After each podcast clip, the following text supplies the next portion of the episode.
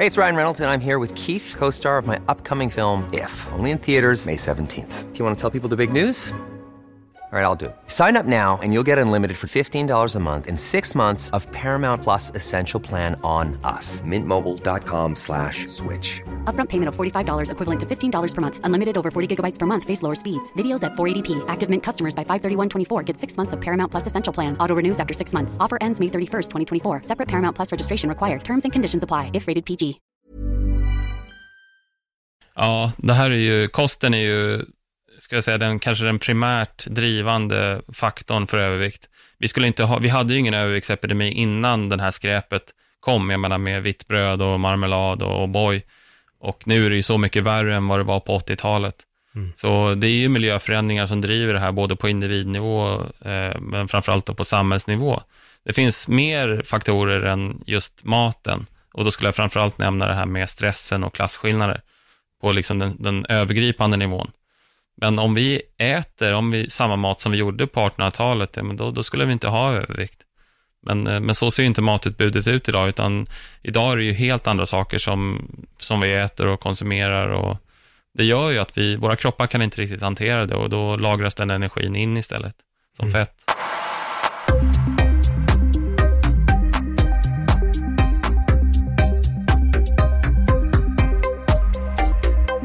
Erik Hemmingsson, välkommen till Öppet sinne. Tack så mycket. Perfekt, det här ska bli jättespännande. Du har eh, titeln överviktsforskare och idag ska vi prata om ja, men kost och mat och banta, icke banta, dieter och så vidare. Men om du får presentera dig själv lite och vad du har gjort. Ja, jag jobbar som eh, forskare på GH i Stockholm och har eh, hållit på med forskning på just övervikt i 20 år nu.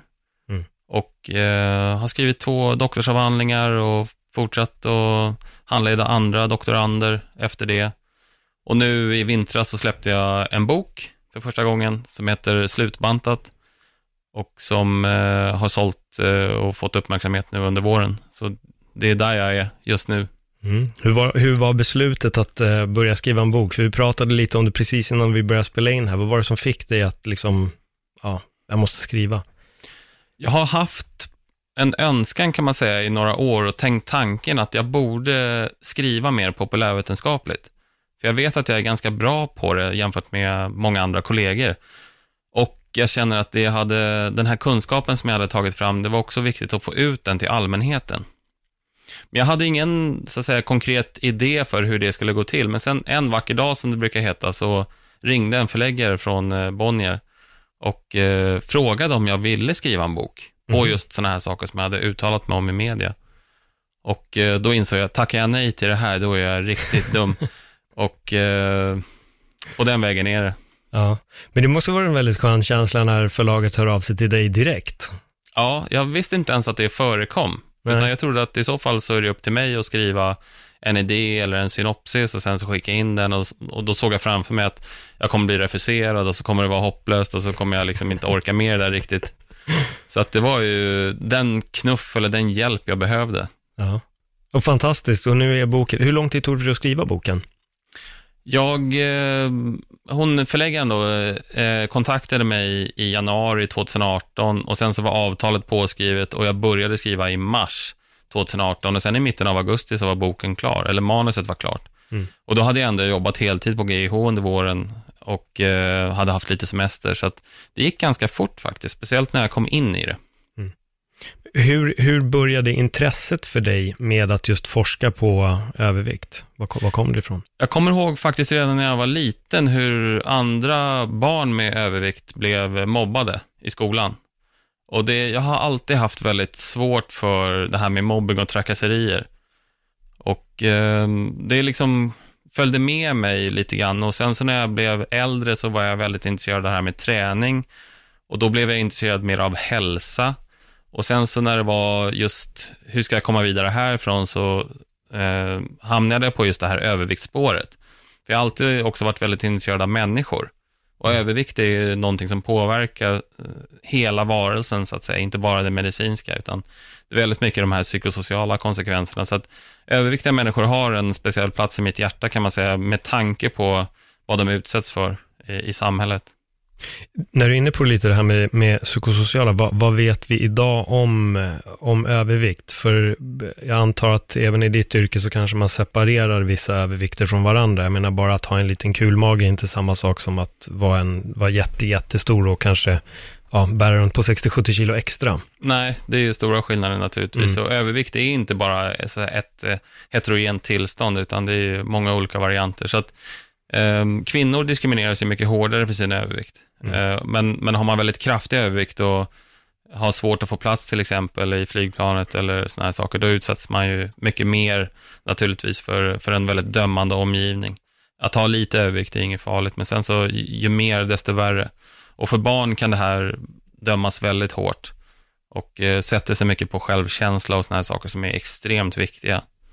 Så att det, det här är ju det som överviktiga själva berättar om, att det här är liksom den tyngsta bördan som de bär på. Det är inte alls de medicinska riskerna, utan det är ju den här omdömet om, ifrån andra som, som är så tufft.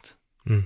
Var, var, var, tror du kommer ifrån att man har en sån, eller att folk har en förmåga att just döma ut överviktiga människor på det sättet? Det är en jätteintressant fråga och jag vet att det finns, eh, om man tittar på läkarmanualer från 1800-talet så står det mycket sådana här saker som överviktiga patienter karaktäriseras av en, en viljelöshet och en slapphet och en slöhet. Allt det här är ju bara fördomar. Och eh, det har funnits med under eh, så över hundra år har de här värderingarna funnits inom den medicinska sfären. Och sen så mycket ifrån media, tittar du på Simpsons till exempel, eller The Nutty Professor, eller det, liksom i filmer, och, så förlöjligas överviktiga hela tiden. Och så samtidigt då har vi det här väldigt smala skönhetsidealet. Mm. Så att det är inte konstigt faktiskt att det ser ut så här, men väldigt olyckligt. Mm. Ja, för jag vet själv när du var inne på det här lite, men när, man, när jag var yngre, så vet jag att det var en period, jag minns inte den exakta åldern, men jag vet att jag började få mage och jag upplevde att jag hade nästan bröst. Och jag stod framför en spegel och jag kände bara, så här vill inte jag se ut. Jag, det påverkade mig jättestarkt. Då vet jag att jag sa till min mamma, jag, bara, jag är inte nöjd med den kroppen jag börjar få, nu får du hjälpa mig. Och på den tiden så känns det ju som att nästan, nu pratar vi tidiga 80-talet, det var ungefär som att folk förstod inte att om du äter rostade mackor med smör och sylt och dricker O'boy så kommer du liksom att gå upp i vikt. Och det var ju så mina frukostar såg ut. Eh, och jag fick hjälp och hon tog bort mackan och mest det söta och så började jag ganska snabbt gå ner i vikt också. Eh, men hur ser vi idag på kosten? För jag känner idag vet vi ändå lite mer om kanske vad vi behöver äta. Har man fått en bättre förståelse av det här från ditt perspektiv? Ja, det här är ju, kosten är ju ska jag säga, den, kanske den primärt drivande faktorn för övervikt. Vi, skulle inte ha, vi hade ju ingen överviktsepidemi innan det här skräpet kom, jag menar med vitt bröd och marmelad och boy. Och nu är det ju så mycket värre än vad det var på 80-talet. Mm. Så det är ju miljöförändringar som driver det här, både på individnivå, eh, men framförallt på samhällsnivå. Det finns mer faktorer än just maten. Och då skulle jag framförallt nämna det här med stressen och klasskillnader på liksom den, den övergripande nivån. Men om vi äter om vi, samma mat som vi gjorde på 1800-talet, ja, då, då, skulle vi inte ha övervikt. Men, eh, men så ser ju inte matutbudet ut idag, utan idag är det ju helt andra saker som, som vi äter och konsumerar och det gör ju att vi, våra kroppar kan inte riktigt hantera det och då lagras den energin in istället, som mm. fett. Och där blir då frågan, vet man vilken, vad ska vi säga nu, av, av det man äter, vad lagrar mest fett? För det har alltid också varit en diskussion. Förut var det att fett gör dig fet, idag är det med att socker gör dig fet, kolhydrater gör dig fet. Vet vi vad egentligen det är som gör att vi går upp i vikt? Ja och nej. Jag skulle formulera det så här, att det är framförallt den här processade maten och, och vad vi kallar för ultraprocessad mat, alltså mat som innehåller extremt mycket energi, eh, lite näring och den är mycket tillsatser, alltså raffinerad eh, raffinerade kolhydrater som socker och vitt mjöl som är grunden i skräpmaten på många sätt. Och sen så väldigt dåliga fetter, innehåller mycket energi. Och den, det är framförallt den kombinationen skulle jag säga. Så eh, mycket energi, framförallt ifrån fettet, men också det här med kolhydraterna som gör att eh, belöningssubstanser och annat kickar in, som mm. gör att det är väldigt svårt att sluta äta i tid. Om man äter en pizza och en starköl till exempel, så, så får vi i oss väldigt mycket mer kalorier än vad vi behöver, eller choklad eller godis eller glass det är svårt att sluta äta, för, för mättnaden slår inte riktigt till som den borde. Och då lagras den också in väldigt enkelt som fett. Mm. Ja, det där vet jag när det gäller godis och glass. Det sätter sig direkt. Sluta. Ja. Ja. Det är, men, men därför har jag bara själv försökt göra det här med att ja, inte äta det mer än en gång i veckan, då kan jag ändå balansera upp det, men det är, det är svårt. Ehm, jag tänker lite på det här med processad mat. Om vi kan djupdyka lite mer i alla fall i liksom den biten, för här känner jag ibland att folk inte riktigt fattar vad processad mat är. Hur skulle man kunna förklara processad mat på ett ganska enkelt sätt? Ja, mat som innehåller eh, väldigt mycket näring, eller förlåt, väldigt lite näring ska jag säga, men mycket energi och som eh, vad, vad livsmedelsindustrin kallar för en förädling ofta. Att de, och Det måste vara höjden av ironi på många sätt. Därför att eh, om man tänker sig en morot som man drar upp i jorden, så den är ju totalt oprocessad, 100% naturlig. Men sen så tar man de här olika eh, beståndsdelarna, eh, fett och kolhydrater och proteiner och så vidare, och sen så slår man ihop dem till nya produkter och man hettar upp dem ofta väldigt eh, höga temperaturer, då dör ju näringen så att säga. Och, och så tillsätter man saker som, som socker och salt och fett som gör att de smakar gott och som, och som gör att vi triggas eh, och äta mycket mer än vad vi behöver. Jag brukar dra det här exemplet med ballerinakex till exempel, om man eh, försöker äta bara ett ballerinakex. Eh, så att, eh, och, och liksom väldigt hårt marknadsförd, men alltså sådana här produkter som, som läsk och glass och godis, chips, är ju exempel på där man har tagit naturliga produkter och gjort någonting helt onaturligt av dem. Jag tänker lite på kött också, för där pratas det också lite om kött, processat kött kontra icke processat kött. Då är det väl typ, men vi säger en salami, en korv, det är väl en, ett processat kött. Ja, det är det. Säger man att köttfärs också är processat, eller är det bara malt kött? Ja, det är nog mera malt kött. Ja. Men, eh, men det, det är liksom inga knivskarpa gränser, utan det, är lite, det kan vara lite godtyckligt ibland vad man, vad man definierar som processat och oprocessat, och framförallt då det här ultraprocessade. Mm. För det är det som verkligen inte är bra för vår hälsa och som gör att vi enkelt går upp i vikt. Mm. Men alltså vi ska ju äta så naturligt som möjligt och vi, det vi behöver ifrån maten, det är ju näringsämnen och så behöver vi vatten. Det är ju sådana här våra fundamentala behov. Vi behöver faktiskt inte så mycket energi. Men eh, idag så får vi i oss väldigt mycket energi, men, men vi får inte i oss så mycket näring. Var, var hittar vi näringen? För det här tror jag också är något som det råder ibland ganska stora missförstånd om, men var, var hittar vi mest näring? I sådana här eh, livsmedel som frukt och, och grönt framför allt, och nötter och baljväxter och sånt som verkligen är naturligt Mm. och som har växt i jorden.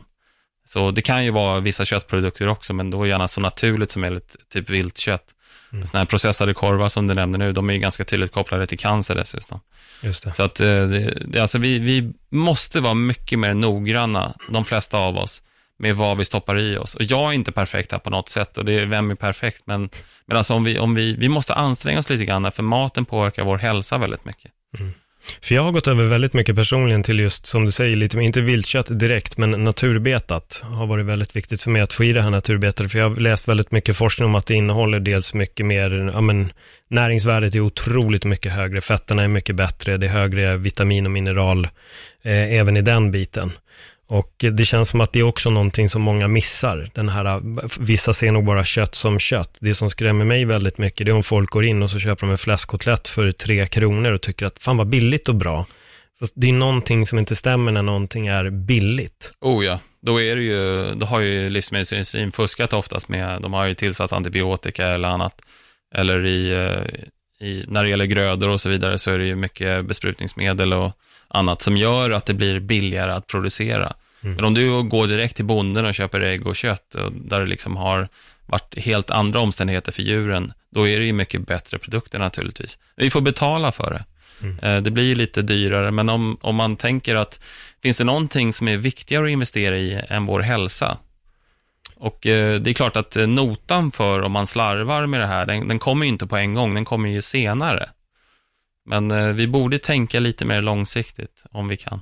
Mm, för det känns som att det är viktigare att investera i en schysst tröja eller en skjorta eller en bil, nya bildäck, nya fälgar istället för att då investera i ett dyrare kanske kött eller grönsaker eller baljväxter eller nötter eller vad det nu är.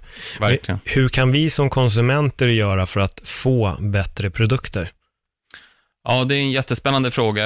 Jag pratade med Johannes Kullberg som grundade Paradiset eh, matmarknad och han är ju ett exempel på hur vi kan stötta sådana som gör genuint bra saker, som, eh, där, där det representerar så ett hållbart företagande att ta fram bra näringsrika produkter och det kostar lite mer. Men att vi måste ju rösta mer med plånboken, alltså som konsumenter. Men sen kan vi också naturligtvis sätta press på politiker och matindustrin att eh, gör ett bättre jobb tack, för vi ser vad ni gör idag och det är, inte, det är ingenting som gör mig glad. Jag har kritiserat de här matindustrin framförallt, men också våra politiker för att vara alldeles för slapphänta. Om man backar bandet lite grann så måste vi komma ihåg att förekomsten av övervikt globalt sett, den har trefaldigats de senaste 40 åren. Det är ju fullkomligt horribelt. Och typ 2-diabetes har fyrdubblats under samma period. Så att alltså det, det jag, jag, brukar ibland ställa mig själv frågan att kunde de gjort ett sämre jobb inom matindustrin än vad de har gjort? Vad beror det där på att det har blivit så? För att jag, jag vet till exempel, jag, jag var hemma hos min mamma här för inte jättelänge sedan och så satt vi och tittade på hennes gamla skolfoto. Mm. Och det första jag reagerade på att det fanns ingen på det skolfotot som ens hade liksom puffiga kinder. Mm. Alla såg bara så här normalt slanka barn, 50-talsbarn. Och så tittar jag liksom på min, bara jag kan titta på, jag ser till och med skillnad på min egen skolgång och till exempel min brorsas barn. Det är natt och dag, alltså, på, på ja. mängden av, av överviktiga barn. Det är det verkligen. Titta på några av de gamla Bond-filmerna eller något mm. sånt. Alltså det, är, det är slående och det skrevs ganska mycket om det här för något år sedan då eh, The Guardian, en stor engelsk tidning, la upp bilder på, på, från Brighton Beach i England på 70-talet. Och det var bara smala individer på stranden. Mm. Så att, eh, men alltså människor, vi är inte så bra på när någonting förändras väldigt gradvis och långsamt. Då reagerar inte vi på det speciellt mycket.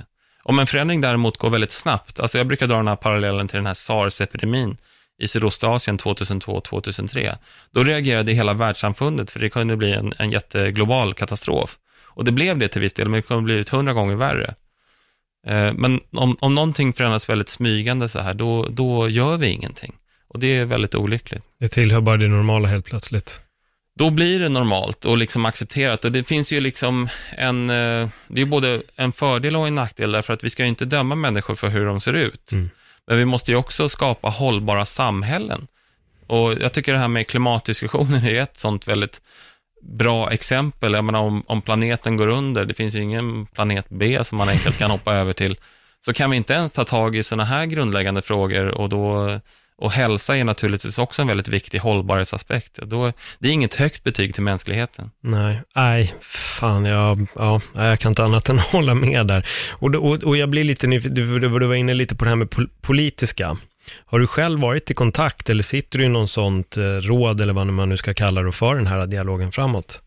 Uh, tillsammans med några kollegor så startade vi ett upprop uh, där vi ville ha förebyggande insatser, framförallt då för att förebygga barnfetma i utsatta områden. För det är ungefär dubbelt till, till tre gånger så mycket barnfetma i miljonprogrammen här i Stockholm som det är på Östermalm och i Danderyd och så vidare.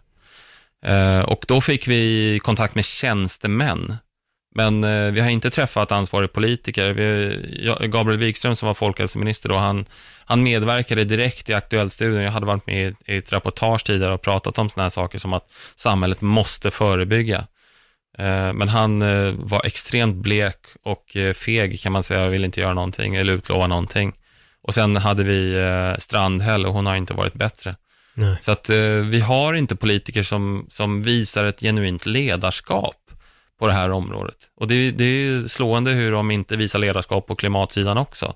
Och liksom bygger ett hållbart samhälle. Jag har kliat mig i huvudet ganska länge och liksom, varför gör de inte någonting när man faktiskt kan agera? Man kan ju agera mot oljeindustrin och matindustrin när de så uppenbarligen tjänar pengar på alla, alla andras bekostnad. Mm. Uh, men jag hittar inget riktigt bra svar på det om man ska vara ärlig. Och den frågan måste man naturligtvis ställa till dem. Varför gör ni inte mer? Mm. Men, eh, men de vill inte svara på sådana här frågor.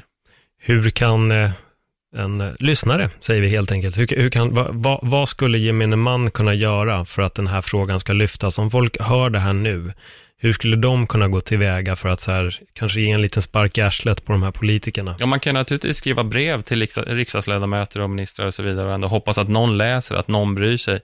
Prata med media och liksom påverka. Vi har ju sociala medier idag som ändå förenar människor väldigt mycket och det blir, titta på bensinupproret nu med, med hur mm. extremt, alltså den här frustrationen som finns ute i samhället idag eh, på, på många olika frågor och eh, inklusive på hälsofrågor. Om man, vi har ju böcker, eh, alltså hälsoböcker som, som genererar ett enormt intresse idag och säljer väldigt, väldigt stora upplagor. Så att svenskarna är ju väldigt hälsomedvetna, speciellt i städerna. Och eh, de flesta som jag pratar med är också, precis som jag, genuint ganska irriterade på hur det, att det ser ut som det gör helt enkelt. Vad händer om vi fortsätter i den här långsamma takten framåt? Det är också en jättebra fråga. Alltså idag kostar ju fetma, beräknas det, 70 miljarder per år. I Sverige? I Sverige. Oh, och det är ju betydligt mer än vad svenska försvaret kostar, ligger på cirka 43 miljarder per år. Eh, och när blir kostnaden så pass hög så att de agerar? 100 miljarder, 150 miljarder? 150 miljarder, då är det lika mycket som svenska sjukvården kostar. Mm. Så att ja, hur, hur, illa måste det bli innan de agerar? Jag, jag vet inte riktigt. Vad är effekten som får folk att söka sig till sjukhus när det gäller fetma? Ofta att man har eh, någon typ av eh, följdsjukdom som gör att man eh, behöver hjälp, typ typ 2-diabetes är ett sådant exempel, eller högt blodtryck eller någonting som är, att det finns lite mer medicinska komplikationer än, än bara övervikten så att säga. Mm. Vad är en, typ 2-diabetes, vad är skillnaden på diabetes och typ 2? Typ 2, ibland är det inte alltid så lätt att säga vad som är typ 1 och typ 2-diabetes och ibland pratar vi om typ 3-diabetes till och med. Men alltså, förr i tiden kallades det åldersrelaterad diabetes, men alltså, och det är relaterat till åldrande, men, men väldigt mycket livsstilsrelaterat. Och att man, eh, när sjukdomen eh, eh, accelererar så behöver man tillsätta insulin utifrån. Det drabbar framförallt vuxna, typ 1-diabetes drabbar ju framförallt barn. Mm. Om vi går in lite på det här med, med övervikt, att just det här med olika övervikter. Um, för jag tänkte det finns ju de som är väldigt, väldigt stora och om jag inte minns helt fel i din bok också så um, fanns det att det behöver inte alltid bara vara kosten va, som är problemet. Uh, du får gärna förklara lite om det, för det var någonting som jag varit ganska nyfiken över, att det mm. kanske inte hela tiden bara är maten. Nej, verkligen. Och eh, Förr i tiden hade vi den här väldigt simplistiska förklaringen att det handlar om kalorier in och kalorier ut. Och på kort sikt så stämmer ju det, åtminstone till ganska hög grad. Men sen så vet vi att kroppen är, i det långa loppet så slår ju den tillbaka. Men, eh, men om, man, om vi backar bandet lite grann och bara pratar, vad är det som gör att man utvecklar övervikt eller sjukdom i allmänhet, mm. så brukar jag prata om en metafor där man har en bägare. Och eh, då brukar vi ofta tro att det som får bägaren att rinna över, det är det som har orsakat sjukdomen och då kan man prata om skräpmaten till exempel. Men vi måste komma ihåg att innan dess så har bägaren fyllts av sådana här saker som genetik, den har fyllts med uppväxtfaktorer. Uppväxtfaktorer påverkar vår hälsa extremt mycket. Det pratas inte så mycket om det i samhället idag, men, men har man haft en miserabel uppväxt kontra en väldigt bra och harmonisk uppväxt så eh, har extrema effekter på hälsan och eh, vilken livslängd man får. Eh, och sen också det här med livsstil naturligtvis. Vi, med, med en sund livsstil kan vi ju bromsa in åldrandet nästan totalt, eller till väldigt stor del. Men med en osund livsstil så accelererar ju åldrandet, då, då bränner vi ljuset i båda ändarna. Eh, så att det finns ju många olika saker man kan fylla den här bägaren med. Eh, så en sak vi fyller bägaren med, speciellt när det är övervikt, och det är ju skräpmaten, absolut. Men det kan ju också finnas en väldigt stark stressproblematik kopplat till barndomen, eh, kanske en väldigt stark genetik, och så vidare. Det finns oändliga variationer av allt det här. Stillasittandet är en annan viktig komponent också. Nu, stillasittandet är inte lika viktigt som maten här, men den, den bidrar ändå i någon bemärkelse. Mm. Uh, och det finns så, så det finns många olika vägar till övervikt. Uh, det är väl det som är viktigt att få fram här. Jag tänker lite på det här med just miserabel barndom som du pratade om. Uh, jag brukade titta på ett program som heter My 500 pound life, tror jag det är, som gick på någon av kabelkanalerna. Och någonting som slog mig med ganska många av dem som var överviktiga var att det fanns någon form av trauma. Ja, och eh, ja. just vad gällde kvinnorna så var det ofta sexuellt, alltså incestuöst eller på något sätt blev vi sexuellt utsatta som barn. Att de åt sig stora för att inte bli antastade igen. Mm, jag vet, och det här, det här har vi stött på eh, ganska så ofta. Jag har gjort studier på det här hur just övergrepp i barndomen leder till en, till en ökad risk för att utveckla övervikt och många andra typer av eh, ohälsofaktorer. Men också sådana här saker som alltså, eh, att sitta inlåst är väldigt relaterat till en miserabel eh, uppväxt. Eller om man missbrukar alkohol och droger. Eh, mm. Det, det, kommer ju väldigt mycket från barndomen och emotionella faktorer. Men det du nämner nu om sexuella övergrepp, det är ju väldigt tydligt kopplat till en utveckling av en ganska kraftig övervikt som vuxen. Mm. tyvärr. Väldigt sorgligt, men, men alltså det här är ingenting som vi ska hålla på och sopa in under mattan. Nej. Men det, det är också viktigt att, att tycker jag, poängtera att alla överviktiga, kanske speciellt de med kraftigt, kraftig övervikt, de har inte haft en miserabel barndom. Det är inte vad vi säger här Mm, nu, men, nej. men däremot så ser vi en tydlig riskökning för sådana individer. Så att det, och det är det också där man fyller bägaren med olika riskfaktorer. Mm. För att om jag inte misstolkar dig helt fel där heller så är det att vissa kanske sköter kosten på ett bra sätt men de kommer ändå alltid att lägga på sig lite. Absolut. Jag tänker lite på um, i ja, men, eh, Australien åt det hållet med alla maorier och samoens som oftast är ganska stora. Mm. Men de kan äta, en kompis till mig från Australien sa det, han bara, det spelar ingen roll hur mycket de går på, eller den killen han kände gick på dieter, han hade alltid samma muskler och fettmängd ändå, det bara låg i deras genetik. Mm, ligger mycket i genetiken, men också det här med att vi ska komma ihåg att kroppen ändå har sin egen inneboende intelligens. Mm. Och den reglerar vad vi väger. Alltså vårt fett är ju vår primära energireserv. Där kan man ju förstå hur viktig den är. Det är, det är som bensintanken på din bil. Utan bensin ska du inte köra någonting. Mm. Så vi behöver ju fett, det är fullkomligt livsviktigt för oss. Och därför är det så naturligt också att har man lagrat upp en viss mängd energi, då vill kroppen försvara den energimängden. Det är precis som din blodmängd till exempel, om du går och tappar en halv liter blod, så det är inte så att du behöver tala om för din kropp att vara vänlig och producera en halv liter blod, eh, utan det sköter ju kroppen helt själv. Eller är vi törstiga så dricker vi, dricker vi för mycket då kissar vi ut det. Eh, och har vi för låg, för låg pH-värde då, då kan vi höja det. Eh, och så vidare. Så att eh, allt det här styrs väldigt noggrant. Det kommer mycket från hypotalamus och andra delar via hormoner och annat. Det är ganska komplicerat om man, om man gräver djupt i det här. Men alltså kropp, och det är därför det är så svårt att banta också, varför det är så svårt att bibehålla en viktminskning. Därför att du slåss mot din egen inneboende biologi här. Kroppen vill behålla det fett som den har lagrat upp. Jag, jag har en fråga här angående just det här med att gå ner i vikt ganska ofta och nu kommer jag ta det här till just fighters. Som jag berättar så Mm. kommenterar jag MMA. Eh, och det är väldigt mycket fighters som går ner i vikt inför sina matcher och så går de ganska snabbt upp igen. Och jag har märkt att vissa fighters till slut, kroppen säger bara stopp. De Mm. kan inte komma ner i vikt. Och det har till och med hänt vissa att när de väl har lyckats pressa sig hela vägen ner ändå, tre dagar senare kan de lika gärna flyga upp nästan 20 kilo. Då har de såklart återersatt med vatten och, och allt vad det nu är. Men de klarar inte av att gå ner igen, utan de blir, vissa har nästan blivit som ballonger under en period tills allting har balanserats upp och sen har de varit tvungna att gå upp en viktklass. Vad, vad beror det här på? Är det någonting som du känner till eller?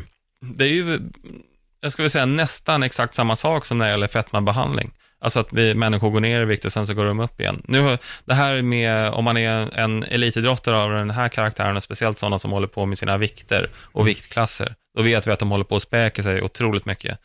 Men det, det går bara till en viss gräns och sen så kan man inte gå ner mer. Så det finns ju ändå, alltså kroppen igen då, apropå det här med att den själv reglerar vad den vill väga, den vill inte gå under vissa vikter.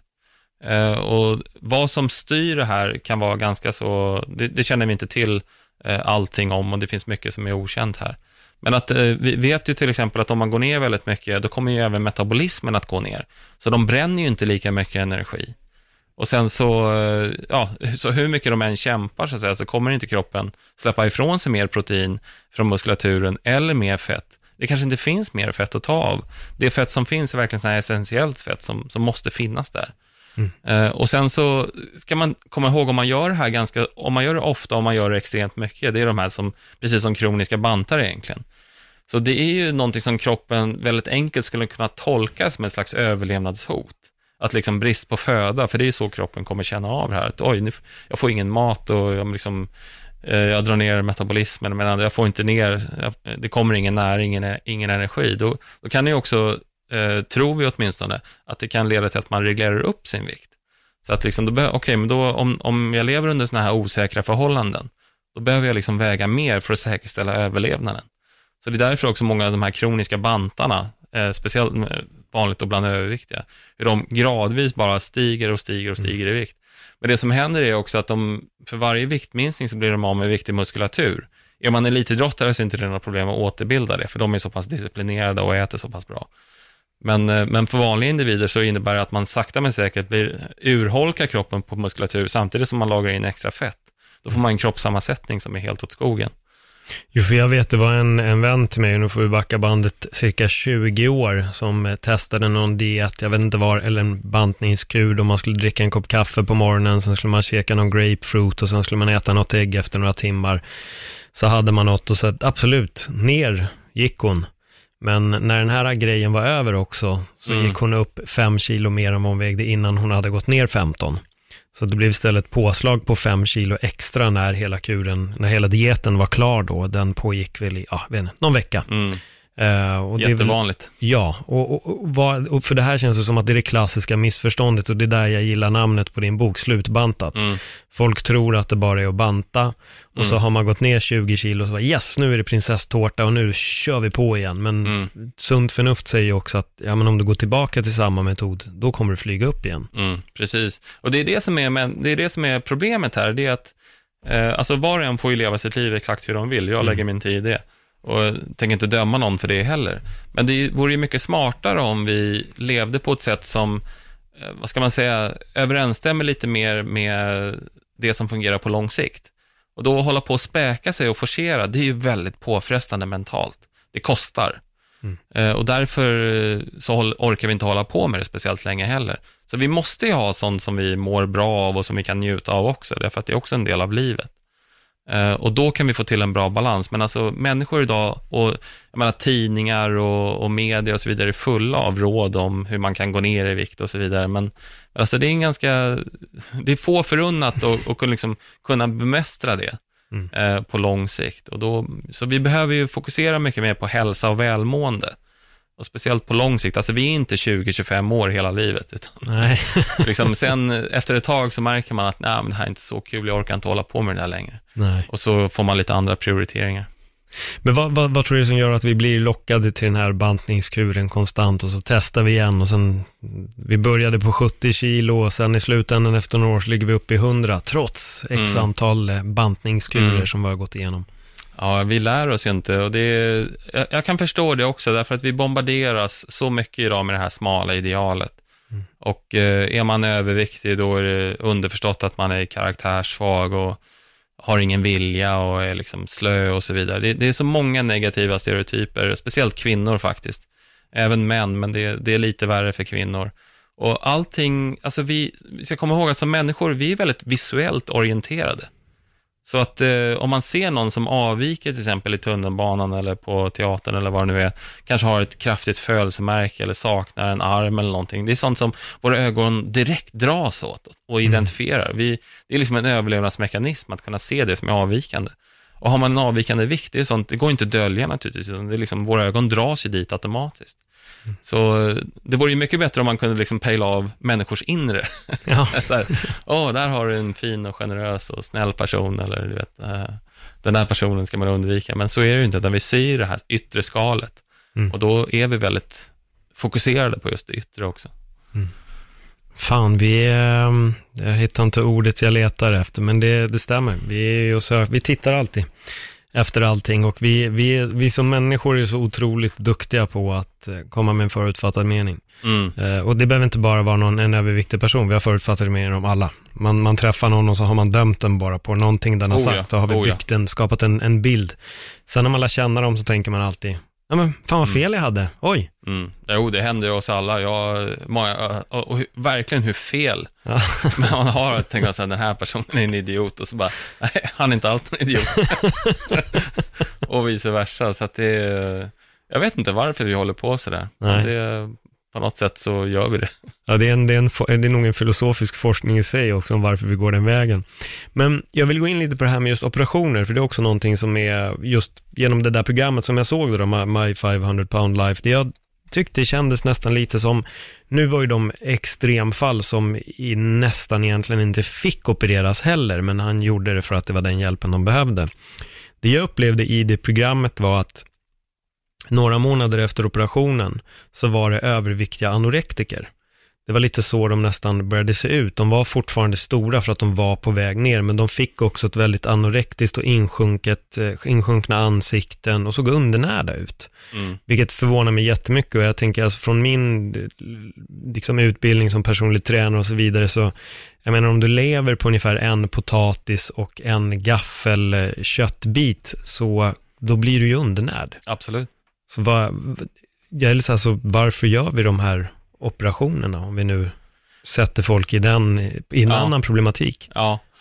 Ehm, det är också en väldigt bra fråga. Jag, jag eh, har inte ett helt okomplicerat förhållande till de här operationerna, men ehm, det är verkligen ingen quick fix. Mm. Och eh, det finns ju ganska så allvarliga biverkningar associerade med operationerna. Alkoholism till exempel, vilket är en fruktad biverkan.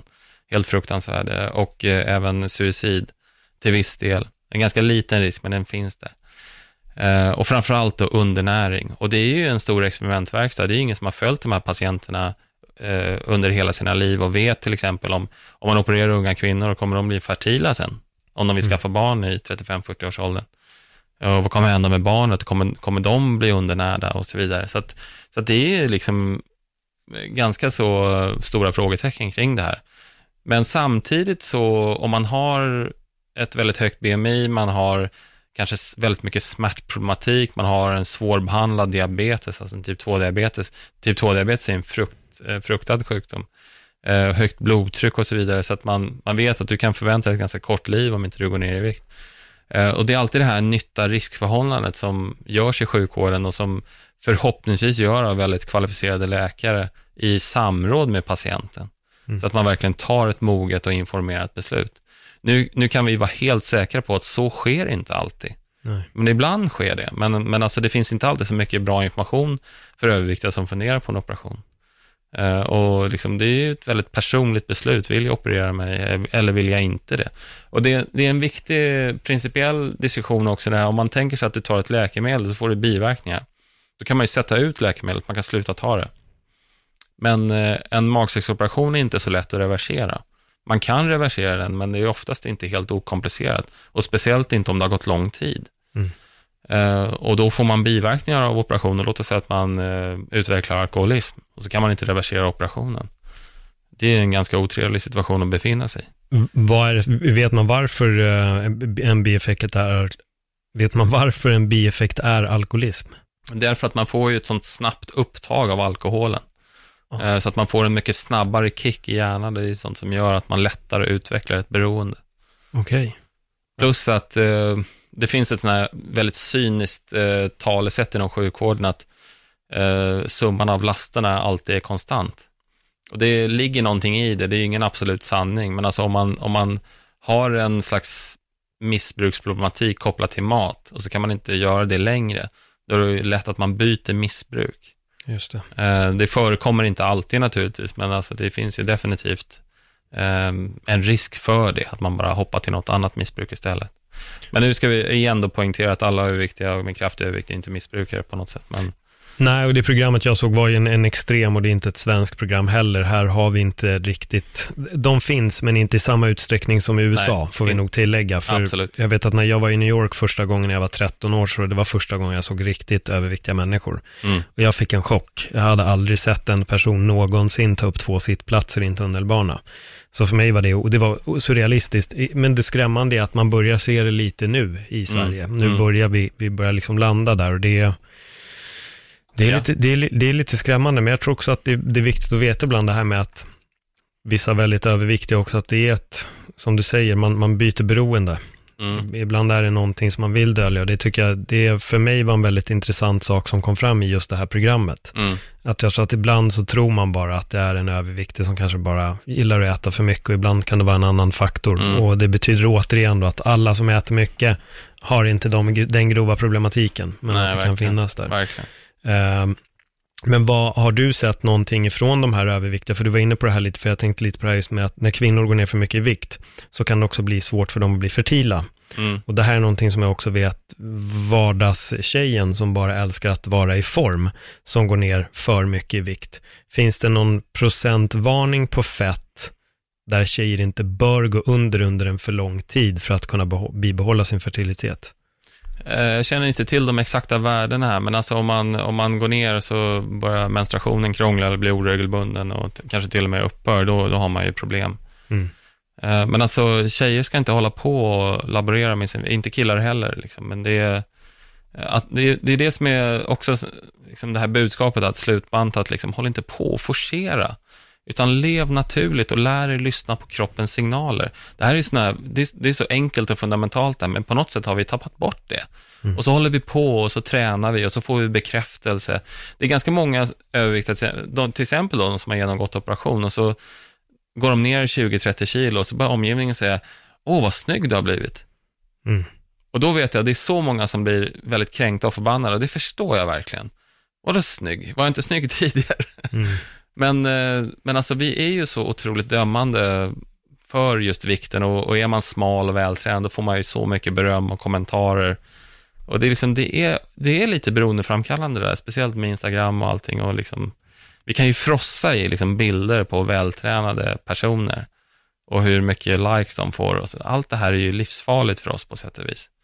Ja, det håller jag verkligen med om. Jag är ganska mycket på sociala medier och det kan skrämma mig när det finns just, jag skulle nog säga att det är vanligare att tjejer har några miljoner följare på grund av att de egentligen ser bra ut och har en bra kropp. Att, Mm. Där tror jag nog att killar är nog mer benägna att börja följa och hylla och jag tror nog också att det där kan, det blir den här, man fortsätter att bygga en illusion. Mm. För att allting är så tillgjort, fotona är gjorda från rätt vinkel och Mm. en annan vinkel så ser det ut på ett annat sätt. Men de lägger upp det bästa av det bästa av det bästa.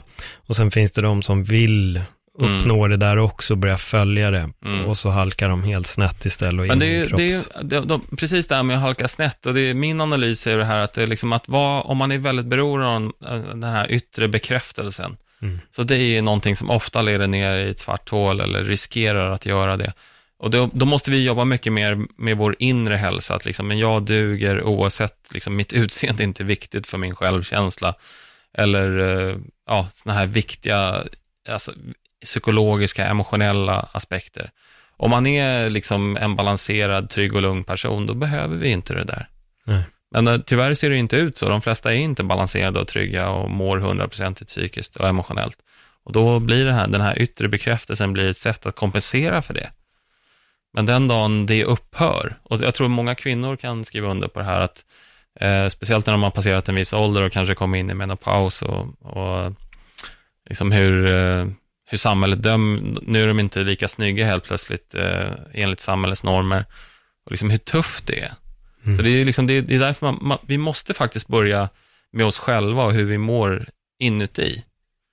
Men vi gör inte riktigt det, det jobbet och det är jobbigt naturligtvis och det, det kräver mycket, men det, det är ändå dit vi behöver komma. Så må bra.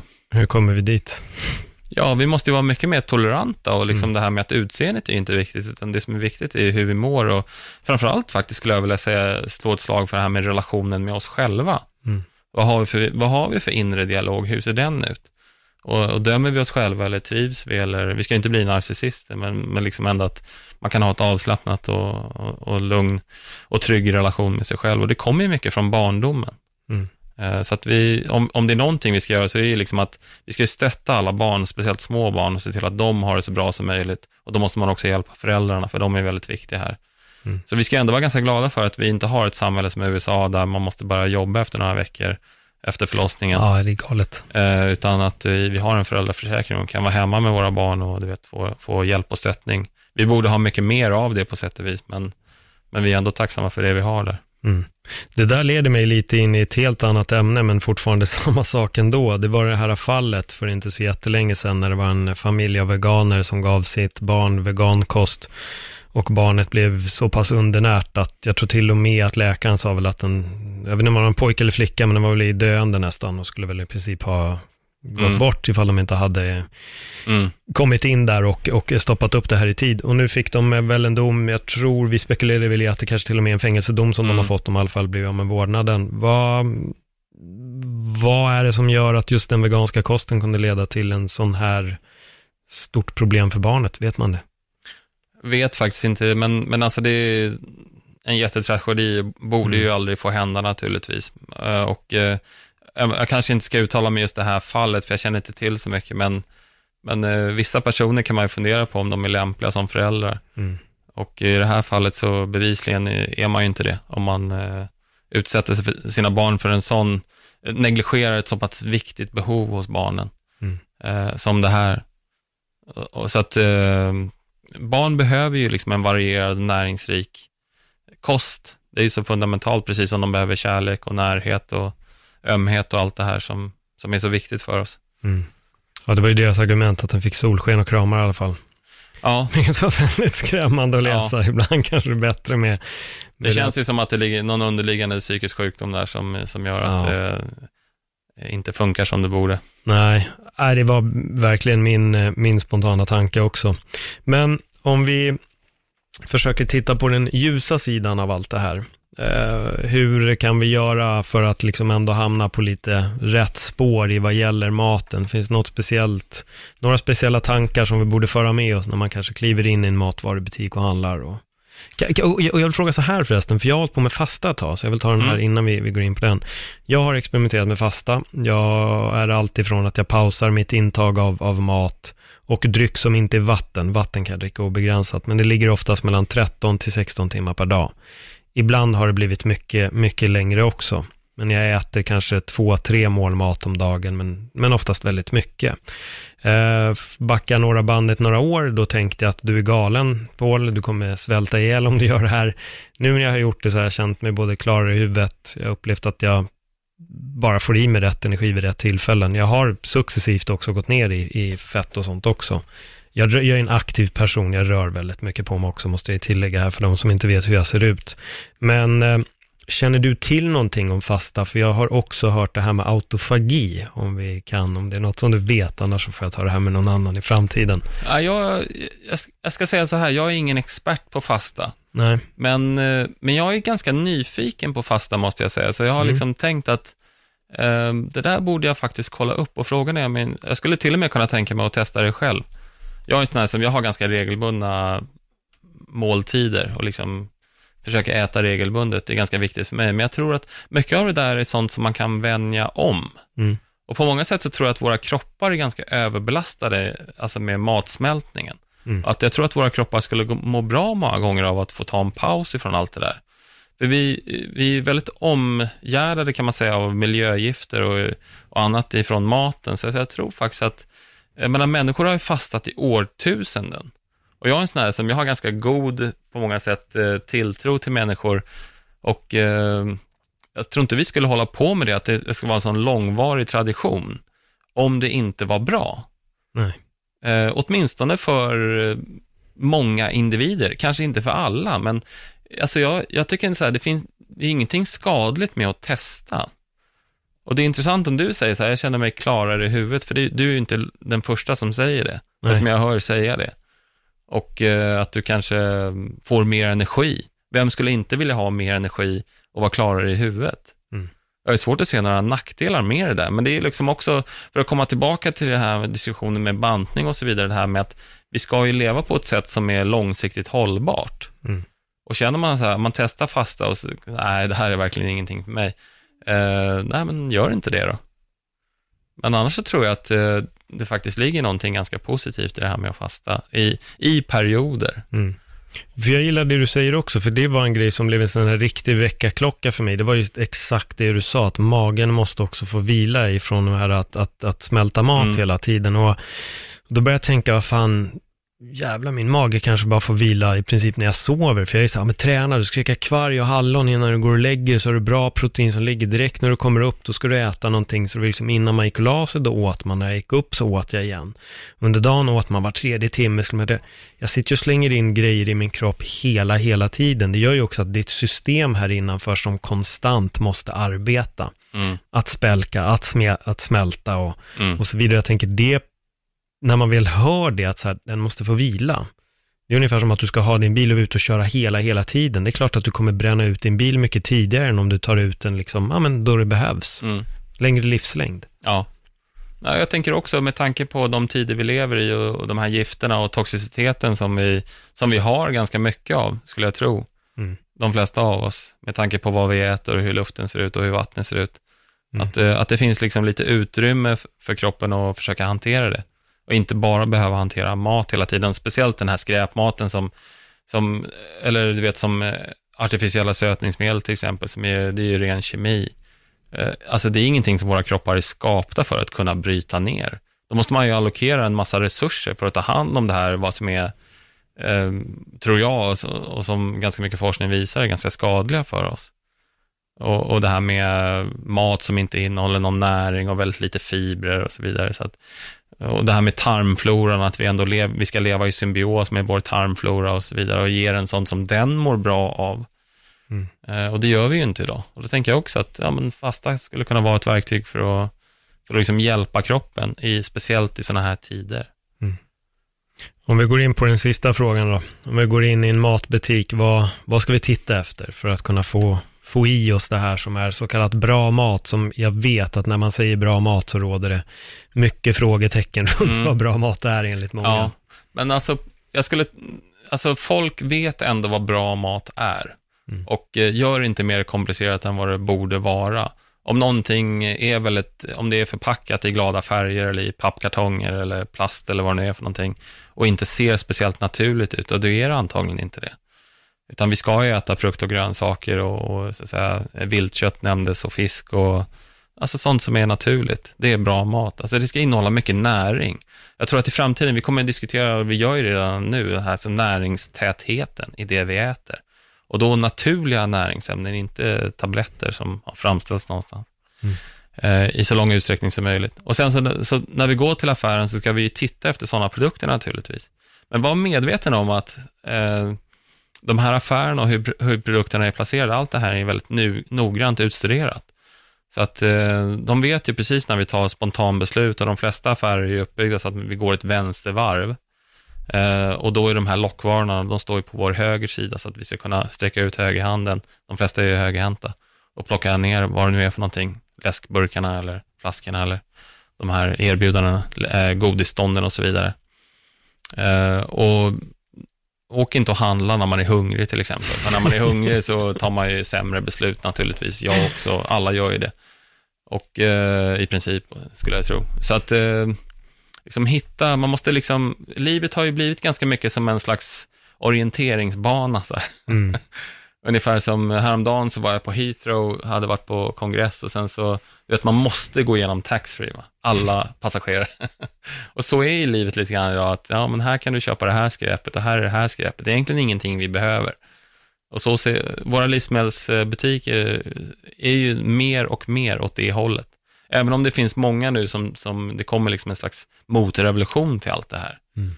Eh, men, eh, men än så länge är det lite av ett minfält och vi får försöka hantera det så gott vi kan. Jag håller med dig. Varje gång jag har jobbat för länge och är på väg hem och inte ätit middag, så jag ska laga mitt eh, naturbetade kött. Men pizza hade ju suttit jävligt fint, så slipper jag laga mat. Ja, jag, jag är också där. Det, är, det är tufft. Och jag menar, med, med, om man har småbarn och jobbar mycket och är stressad och sovit dåligt, alltså det är då vi trillar dit. Mm. Men jag tycker så här att, att trilla dit då och då, det är inget problem och ingenting vi ska må dåligt för. Utan eh, man får liksom titta på helheten, vad äter jag för mat eh, som helhet?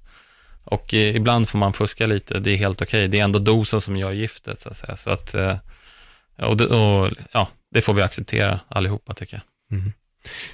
Jag får verkligen tacka för ett bra, bra samtal, Erik. Det känns som att jag skulle kunna ställa en massa, massa frågor till. Och det kommer jag nog göra när man har stängt av, så finns nog lite mer att fråga. Men om folk vill följa dig i din resa eller, eh, ja, och så vidare, var, var hittar man dig någonstans? Jag eh, har en hemsida, erikhemmingsson.com och eh, jag har ett Instagramkonto, men just nu kommer jag inte åt det. Se om jag skaffar ett nytt, eh, eh för där försöker jag lägga upp sånt som eh, jag tycker är viktigt, eller tipsa lite grann om, eller bra läsning eller diskussioner. Mm. Men annars erikhemmingsson.com. Mm. Jag länkar till den i bion, så till er som lyssnar på det här så är det bara att hoppa in i bion också. Jag kommer även länka till din bok med, så att man kan eh, beställa den eh, på direkten. Återigen, supertack för ett jättebra samtal. Tack själv. Mm. Gott folk, nu vet ni vad ni ska tänka på när ni kliver in i en matbutik nästa gången. Ha det jättebra, hej då!